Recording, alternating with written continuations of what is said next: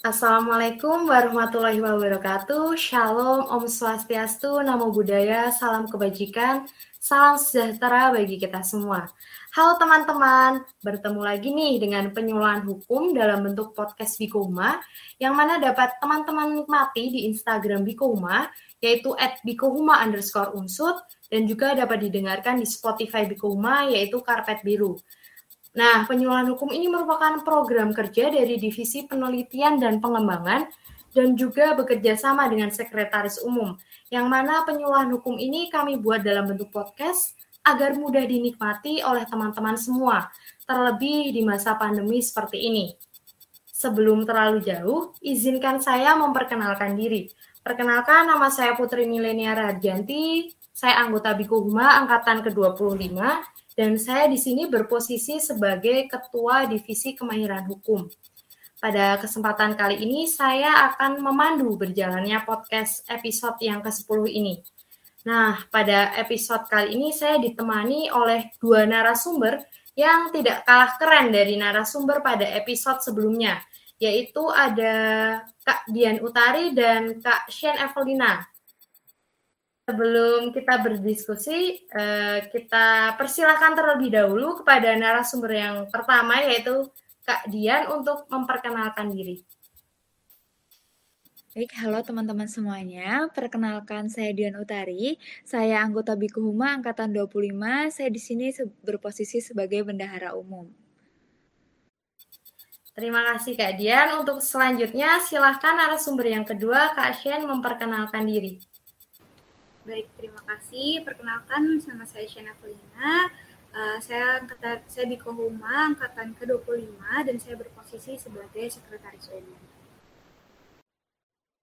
Terima kasih juga Kak Shana. Untuk saat ini, mari kita mulai diskusinya ya teman-teman. Uh, seperti yang kita ketahui, belakangan ini ada berita mengenai anak kiai dengan inisial MSA di Jombang yang menjadi tersangka pencabulan santriwati. Nah, perkara ini mulai terungkap pada 29 Oktober 2019 saat ada salah satu seorang santri dengan inisial NA berasal dari Jawa Tengah melaporkan MSA ke pihak kepolisian atas kasus pencabulan. Polda Jawa Timur mengungkapkan keberadaan pengancaman yang dilakukan MSA dalam pencabulan terhadap mantan santrinya yang masih di bawah umur. Kemudian pada 4 Desember 2019, Kasat Reskrim Polres Jombang AKP Ambuka Yuda membenarkan adanya laporan tersebut dan mengatakan bahwa pihak polisi telah melakukan penyidikan.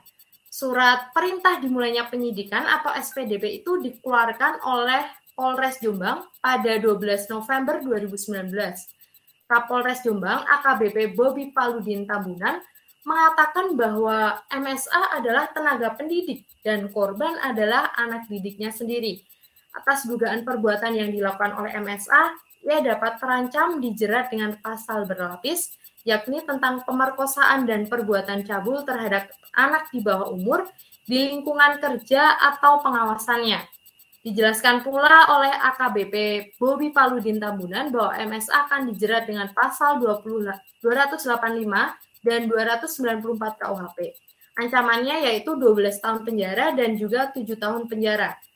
Nah, setelah memeriksa sejumlah saksi, Polres Jombang akhirnya resmi menetapkan putra Kiai di Kabupaten Jombang tersebut sebagai tersangka kasus dugaan pencabulan. Nah, HKBP Bobby juga menjelaskan bahwa pihak polisi baru menerima satu laporan dari santri. Namun, hal ini tidak menutup kemungkinan jumlah korban akan terus bertambah karena informasi yang beredar jumlah korban lebih dari satu orang.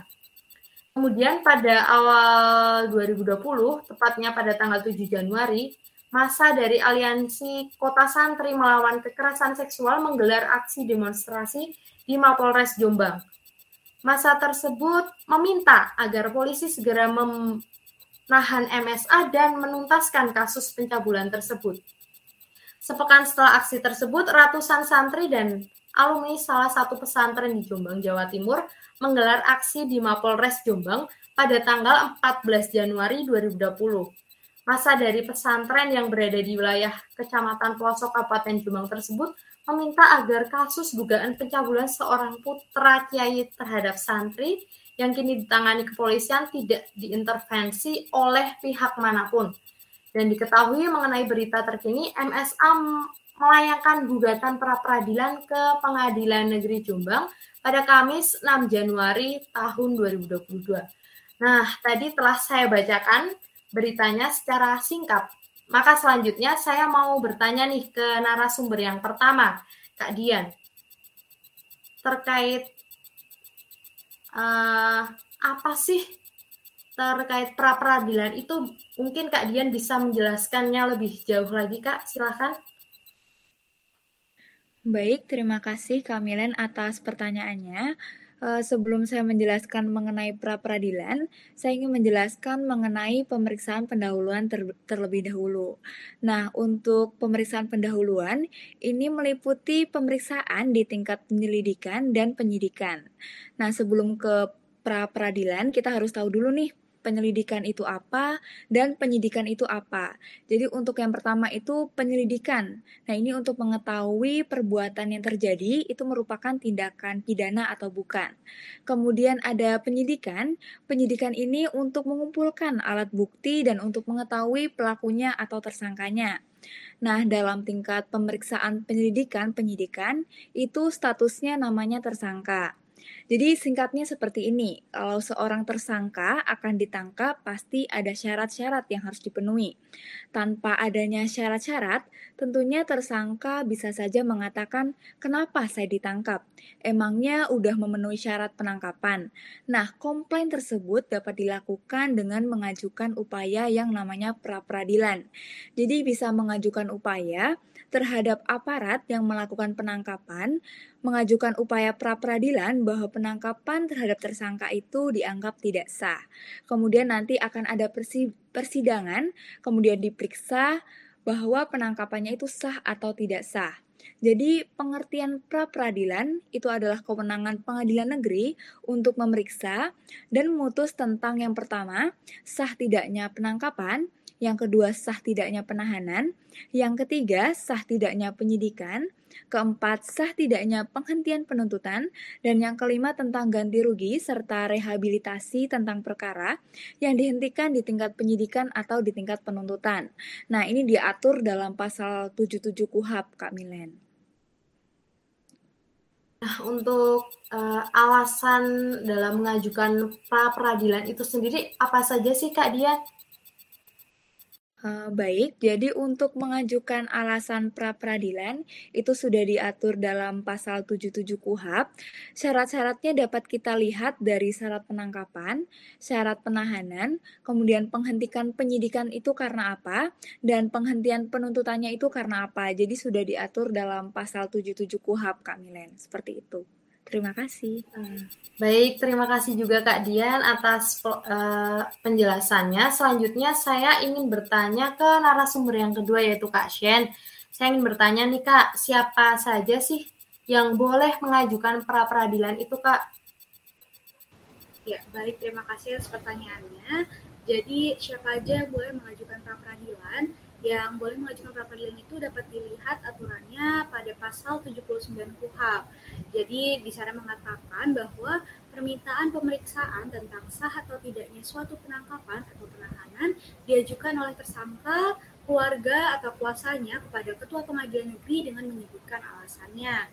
Jadi udah jelas uh, pihak-pihaknya ada tersangka, keluarga atau kuasanya kepada ketua pengadilan negeri. Jadi dalam hal tersangka yang mengajukan tersangka itu biasanya untuk uh, mem, apa, memeriksa apakah tindakan penahanan terhadap dirinya bertentangan dengan ketentuan pasal 21 KUHP atau tidak atau bisa juga tentang penahanan yang dikenakan uh, sudah melewati batas waktu yang sudah ditentukan pada pasal 24 KUHP atau tidak atau bisa juga oleh penyidik untuk memeriksa sah tidaknya penangkapan atau penuntutan kemudian penuntut umum atau pihak ketiga yang berkepentingan untuk memeriksa sah atau tidaknya penghentian penyidikan atau penghentian penuntutan. Jadi yang dimaksud dengan pihak ketiga itu yang berkepentingan, misalnya seperti saksi korban. Seperti itu, Kak. Oke, Kak. Nah, untuk yang ingin saya tanyakan selanjutnya yaitu terkait akibat dari pra peradilan itu sendiri apa saja sih Kak? Mengingat MSA ini kan dalam kasusnya juga mengajukan gugatan pra peradilan ke Pengadilan Negeri Jombang Kak Shen. Ya betul. Uh, jadi akibat hukumnya apa aja sih dari pra peradilan? Kita bisa lihat di sini di pasal 82 ayat 3 huruf A dan juga huruf B KUHP. Di sini di ayat 3 ini menyebutkan isi putusan selain memuat ketentuan sebagaimana dimaksud dalam ayat 2 juga memuat hal sebagai berikut. Di sini dalam huruf A, dalam hal putusan menetapkan bahwa sesuatu penangkapan atau penahanan tidak sah, maka penyidik atau jaksa penuntut umum pada tingkat pemeriksaan masing-masing harus segera membebaskan tersangka. Jadi intinya dalam ayat 3 ini isi putusan itu seandainya mengenai tidak sahnya penangkapan atau penahanan, maka di sini penyidik atau JPU harus segera uh, membebaskan tersangka. Jadi kalau ada tersangka mengajukan pra peradilan tentang penangkapan atau penahanannya itu sah atau tidak, diajukan ke, ke pengadilan negeri, kemudian oleh hakim diputus, ternyata dinyatakan bahwa penangkapan atau penahanannya itu tidak sah, maka konsekuensinya atau akibat hukumnya itu penyidik atau JPU itu harus segera membebaskan tersangka. Tapi ada akibat hukum lain, uh, jika uh, di sini di huruf B-nya dalam hal putusan menetapkan bahwa sesuatu penghentian atau penghentian penyidikan atau penuntutan tidak sah, maka penyidikan atau penuntutan terhadap tersangka wajib dilanjutkan. Jadi uh, pra peradilan ini dapat ditolak oleh hakim. Jadi uh, harus disegera dilanjutkan prosesnya. Itu Kak. Wah, terima kasih sekali Kak Dian dan Kak Shen atas penjelasannya yang sangat menarik. Mungkin dari diskusi kita hari ini, saya mau memberikan kesimpulan bahwa pra peradilan itu sendiri hanya dapat diajukan oleh yang pertama, tersangka, keluarga, atau kuasa hukumnya kepada ketua pengadilan negeri tentang sah atau tidaknya suatu penangkapan atau penahanan. Kemudian kedua oleh penyidik untuk memeriksa sah tidaknya penghentian penuntutan. Dan ketiga oleh penuntut umum atau pihak ketiga yang berkepentingan untuk memeriksa sah tidaknya penghentian penyidikan atau penghentian penuntutan. Baik, sekali lagi terima kasih kepada Kak Dian dan Kak Shen yang sudah menyempatkan waktunya untuk menjadi narasumber pada podcast episode kali ini. Semoga kita semua selalu diberikan kesehatan dan semoga dunia ini cepat pulih agar kita semua bisa segera berkumpul seperti sedia kala. Terima kasih juga untuk teman-teman yang sudah menonton dan mendengarkan podcast ini sampai akhir. Sekali lagi terima kasih. Mohon maaf apabila ada kata-kata yang kurang berkenan di hati. Saya Putri Milenia Rajanti pamit undur diri. Sampai jumpa di episode selanjutnya teman-teman.